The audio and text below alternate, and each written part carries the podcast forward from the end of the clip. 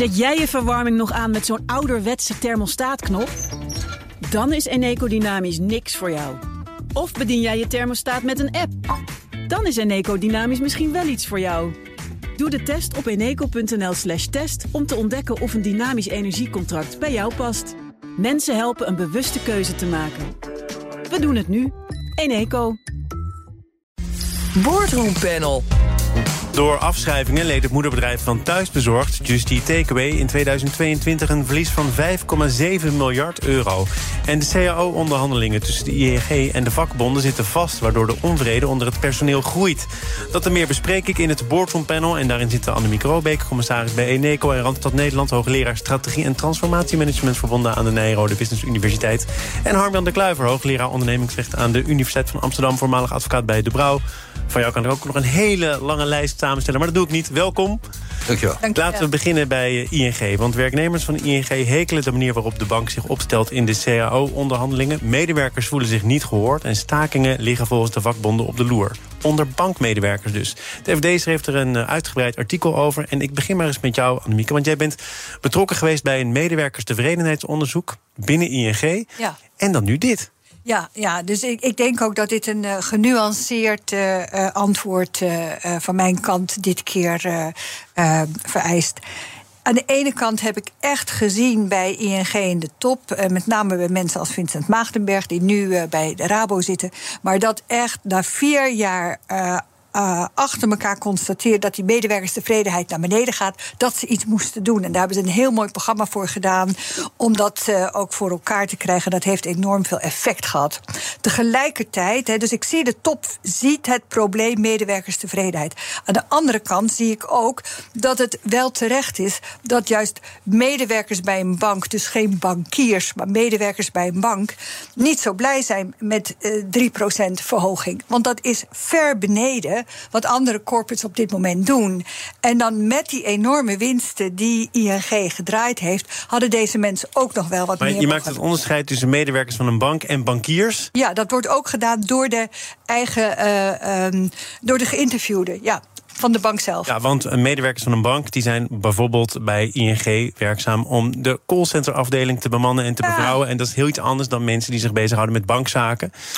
Nou ja, kijk, alles. Een, een bank is natuurlijk een heel geïntegreerd uh, geheel van werkzaamheden. Maar het is zo dat de bankiers die over uh, de kredieten gaan, die de, met name in de wholesale en de zakelijke kant doen, iets anders doen dan de mensen die uh, de administratieve afhandeling doen. En dat zijn natuurlijk wel de mensen, dus de mensen die vooral ook in Leeuwarden zitten en die al gezien hebben hoeveel plekken geautomatiseerd zijn. Nou, die voelen natuurlijk de hete adem dat hun werk plekken de komende tijd nog verder onder druk uh, hoe, hoe, voorkom je dat nou? Hè? Want het FD heeft het dan over scheuren in de familie. En uh, zo schetst Annemiek het ook wel een klein beetje. Hè? Er zijn toch verschillende bloedsgroepen bijna, terwijl je wel voor hetzelfde bedrijf werkt.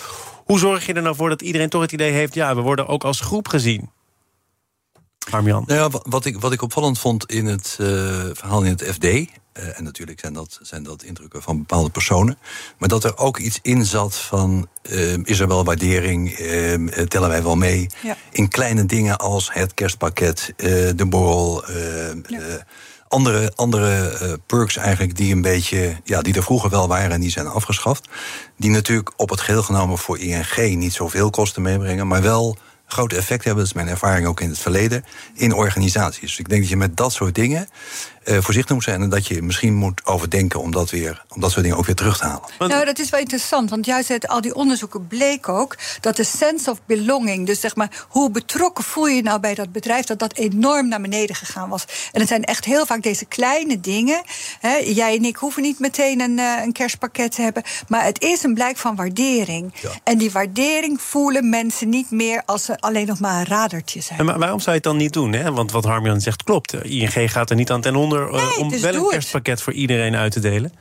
Doe dat het. gebeurt blijkbaar niet. Nee, en, Dan zeg je, de, de top heeft het nu gezien, hè? er is een programma opgesteld. Ja. Maar waarom was het überhaupt nodig? Nou ja, omdat het al uh, vier jaar op rij wereldwijd, hè, dus niet alleen in Leeuwarden, niet alleen in Nederland, door de hele wereld, door al hun vestigingen, ging de uh, werknemerstevredenheid naar beneden. Dus er was juist een, een krachtig signaal nodig van hé, hey, wij moeten dat anders doen. Wij moeten veel meer uh, ruimte uh, geven, empowerment geven, mensen betrekken bij de uitvoering van de strategie. En ik moet zeggen, dat heeft uh, ING ook echt wel gedaan. Hoe belangrijk is geld eigenlijk in dit hele verhaal? Want werknemerstevredenheid is natuurlijk een breder gebruikte term. over geld wordt vaak gezegd dat dat vooral iets is waar mensen ontevreden over zijn en niet zo heel erg snel tevreden over zijn. Maar ja. hoe belangrijk is dat in het hele verhaal? Nou, het is natuurlijk wel belangrijk, gelet op de omstandigheden die we nu kennen. Uh, uh, de kerninflatie is nog steeds hoog. Dat raakt natuurlijk met name mensen met uh, de wat lagere inkomens. Dus dat tikt toch behoorlijk aan. Dus, dus ja, natuurlijk is, is uh, salaris en inkomen een belangrijk punt. Maar dat zegt ING hierover. Uh, we zijn met eenmalige energiecompensatie gekomen. We hebben echt wel gekeken naar individuele regelingen die we hebben ja. aangepast. Er zijn binnen de schaal nog zaken veranderd. Ja, maar ik denk, ik denk dat je daar een beetje een mismatch hebt. Uh, goed, Annemiek is er nou bij betrokken geweest. Tussen het, het gevoel van mensen en de rationele argumenten die daar tegenover worden gesteld. En als natuurlijk een gevoel wordt geuit, dan, dan vraagt dat ook om een, om een gevoelsreactie. En om een aansluiten daarbij. En ik denk dat je rationeel kan uitleggen, we hebben dit gedaan, we hebben dat en zus gedaan. is eigenlijk niet een antwoord op uh, de onvrede die er bestaat, verwacht ik. Ja, en ik denk ook dat uh, FNV natuurlijk niet voor niks naar zeg maar, de medewerkers van de bank in de lagere regionen kijkt. Uh, omdat het ook voor hen een hele mooie framing is. En ze komen op deze manier goed uh, ook uh, in het nieuws. Maar ik moet ze ook wel gelijk geven. Als mensen um, echt voor een, een um, modaal of minder uh, werkzaamheden verrichten. en er is geen sense of belonging. en ze worden eigenlijk nauwelijks gewaardeerd. en het wordt alleen maar kariger. ja, dan word je met 3% dit jaar wel heel ja, erg slecht afgeschreven. Het is niet alleen maar de, de onderste helft. Hè. Het gaat hier over meer dan de helft van de ruim 14.000 werknemers. die tegen de CAO hebben gestemd. Ja, dus dat is toch veel. aanzienlijk. Nee, is heel veel. Uh, en als je dan hebt over dat voorstel concreet, gaat het over 3% ingaand in oktober en nog eens 4% uh, volgend jaar. Ja, maar ja, kijk eens wat we bij uh, ING, bij Eneco doen. Daar doen we het gestaffeld. Daar weet je dat je het management, dat moet je gewoon lager geven. Ja? Als dat tussen 3 en 5 procent zit, fine. Ja? Gaat niemand dus over klagen. Niet nivelleren Precies, door maar dat je, CAO. maar je gaat staffelen en je gaat zeggen, juist die onderste regionen, die kunnen wel van 10, 12 procent. Ja? En zo moeten we dat ook doen. Want uh, als alle uh, kennisinstellingen, maar ook de planbureaus zeggen... we moeten het via de salarissen gaan oplossen... dan moeten we beginnen bij de onderkant. Ja, Harmjan? Ja, ik, ik, kan het er alleen maar mee eens zijn natuurlijk. Het is, uh, dat is helemaal waar. En wat ik net zei, uh, als we kijken naar de inflatie... Dan, dan raakt dat ook gewoon de mensen met de lage inkomens het meest. Ja. dat zit hem op, op, op kern... gebruiksgoederen.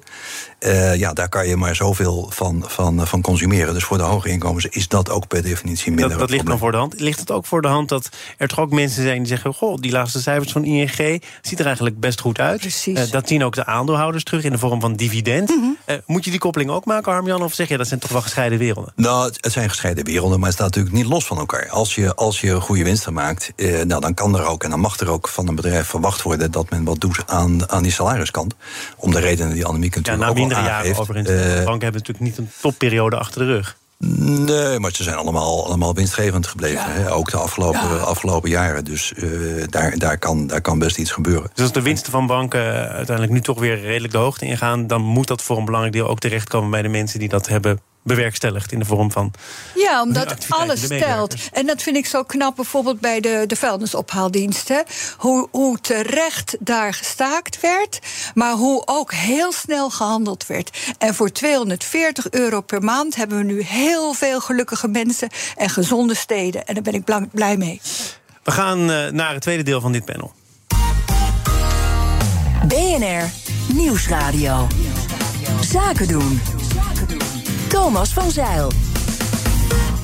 De leden van het panel zijn Annemieke Robeek en Harmjan de Kluiver. Just Eat Takeaway heeft over 2022 een verlies geleden van 5,7 miljard euro. Blijkt uit de jaarcijfers die gisteren bekend werden gemaakt. Dat verlies is een gevolg van afschrijvingen op grote acquisities zoals het Britse Just Eat. En uiteraard, er is weer het Amerikaanse Grubhub. En Jitse Groen zijn de Telegraaf, de topman van Just Eat Takeaway. Papier, papieren werkelijkheid, papieren ramp.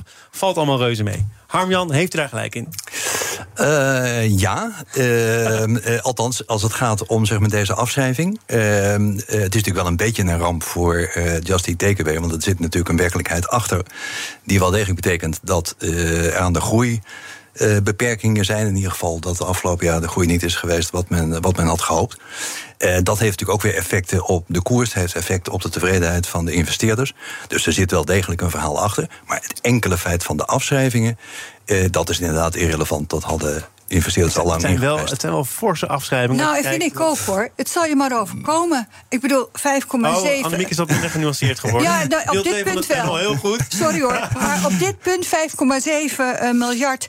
Uh, no matter wie de investeerders geweest zijn, maar je bent wel bezig geweest met hun geld. En je gaat het eventjes snel uh, uh, afschrijven. Het lijkt wel alsof dit bedrijf door zakenbankiers uh, alleen nog maar geleid wordt. Uh, nou, dat is een interessante, interessante visie. Laat ik er dit van zeggen. De, de investeerders zijn natuurlijk niet willoze investeerders. Hè. Het zijn mensen die investeren in een venture uh, dat, die, die gericht is op risico. Uh, wat ze allemaal willen is linksom of rechtsom proberen de marktleider te worden... en vervolgens zoveel mogelijk geld uh, daaraan te verdienen. Mm -hmm. deze mensen hebben ook geïnvesteerd in de gorilla's... en in al die andere ondernemingen. En je weet van tevoren dat er een aantal gaan sneuvelen... en je hoopt dat je dan het, het, grootste zit in ondernemingen die het uiteindelijk gaan. Maar het is wel heel veel redden. geld. Hè? Ik bedoel, we hadden de hele wereld een, uh, een gezond broodje kunnen geven van dit geld. 5,7 miljard is toch niet uit te leggen? Hoe kan je nou als leider van een bedrijf blijven en zeggen: Nou, dat is papieren werkelijkheid hoor. En nou ja, voor de rest, ik doe eigenlijk helemaal geen duurzaam bedrijf. Het is ook niet zo gezond wat we doen. Het is ook een schaamtegevoel voor alles wat je, uh, toe, tot, je tot je laat bezorgen. Maar we draaien nu minimale zwarte cijfers. Ik vind dit eigenlijk toch echt best wel niet kunnen. Ja, het klinkt een beetje alsof jij niet heel vaak uh, Zeker eten thuis niet. laat bezorgen. Nee, ik kook zelf. Altijd gedaan, ja. Ja, nou, tussen die, tussen die werken zit natuurlijk ook uh, zit een aantal stappen. In de eerste plaats heeft men op een gegeven moment gezegd... het is 5,7 miljard waard. Nou, die beoordeling was waarschijnlijk al uh, zwaar overdreven. Okay. Nou, nu, nu wordt dat weer afgeboekt.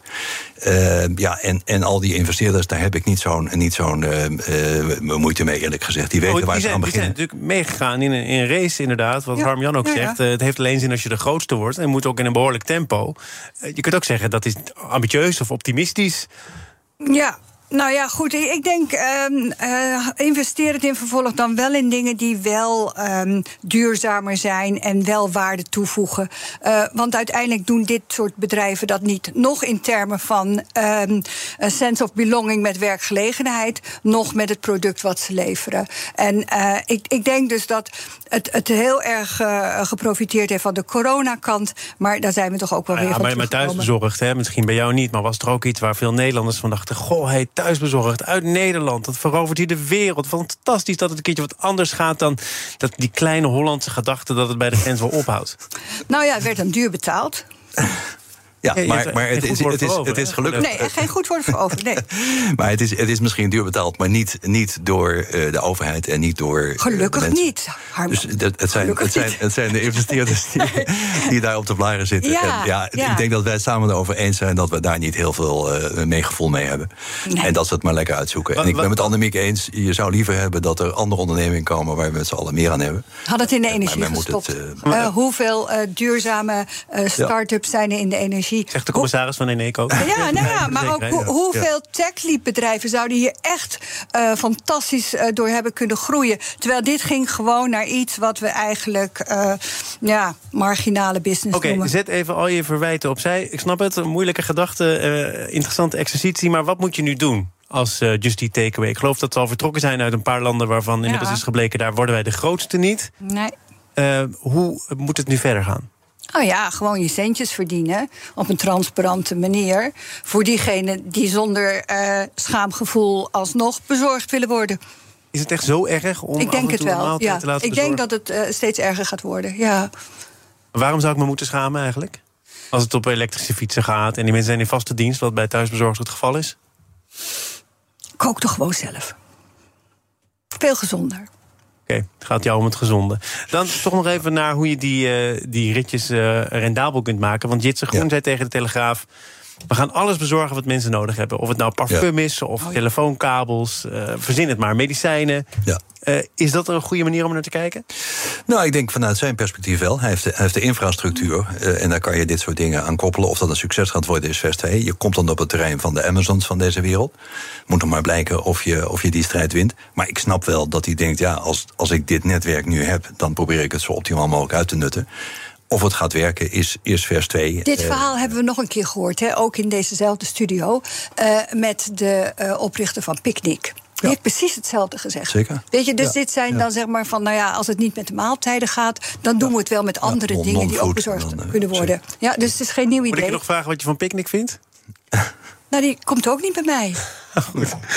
En nog heel even naar de cijfers dan, hè, tot slot. Want eh, het gaat hier over die afschrijving van bijna 6 miljard euro.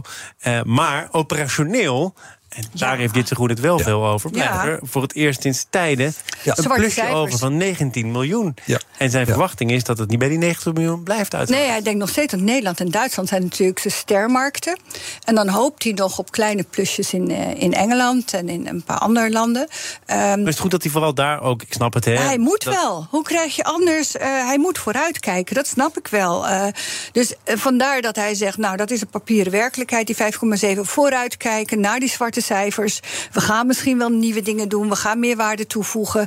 Ehm, en we laten mensen fietsen of eh, op, op elektrisch of niet. Ah, 19 miljoen blijft er Nou ja, over. eh, Zeker, zeker. Nee, dat, maar dat is op zich niet zo heel veel natuurlijk. Nee, dat snap ik. Eh, Maar dat- na, dat- na jarenlang rode Nee, cijfers zeker, zeker, en een zeker. Maar het, het, het, het volgende probleem dat zich aandient is... Kijk, vroeger kon hij zeggen, het maakt niet uit... we geven geen verwachting, we willen gewoon de grootste worden... stoppen er heel veel geld in.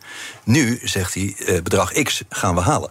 Dan moet je het ook wel halen. Eh, kortom, je komt in, Ja. in, in de ouderwetse spanning van elke bestuurder... die zegt, ja, wat moet ik aan prognose afgeven? Kan ik dat waarmaken? En als je daaronder zit, dan krijg je pas echt een klap. Eh, dus het is een gevaarlijk spel. We gaan naar Ja, een spel zeker. dat eh, ten einde is voor de Nederlandse spoorwegen. En dan gaat het over hun avonturen in het Verenigd Koninkrijk. Want ze hebben de dochteronderneming Abellio verkocht aan het Britse management. Blijkt uit de berichtgeving Ja. die ook in handen is van het ANP. Ze hebben het al eerder bekendgemaakt dat ze die stap voornemens waren te gaan zetten. Maar het is nu toch definitief ten einde.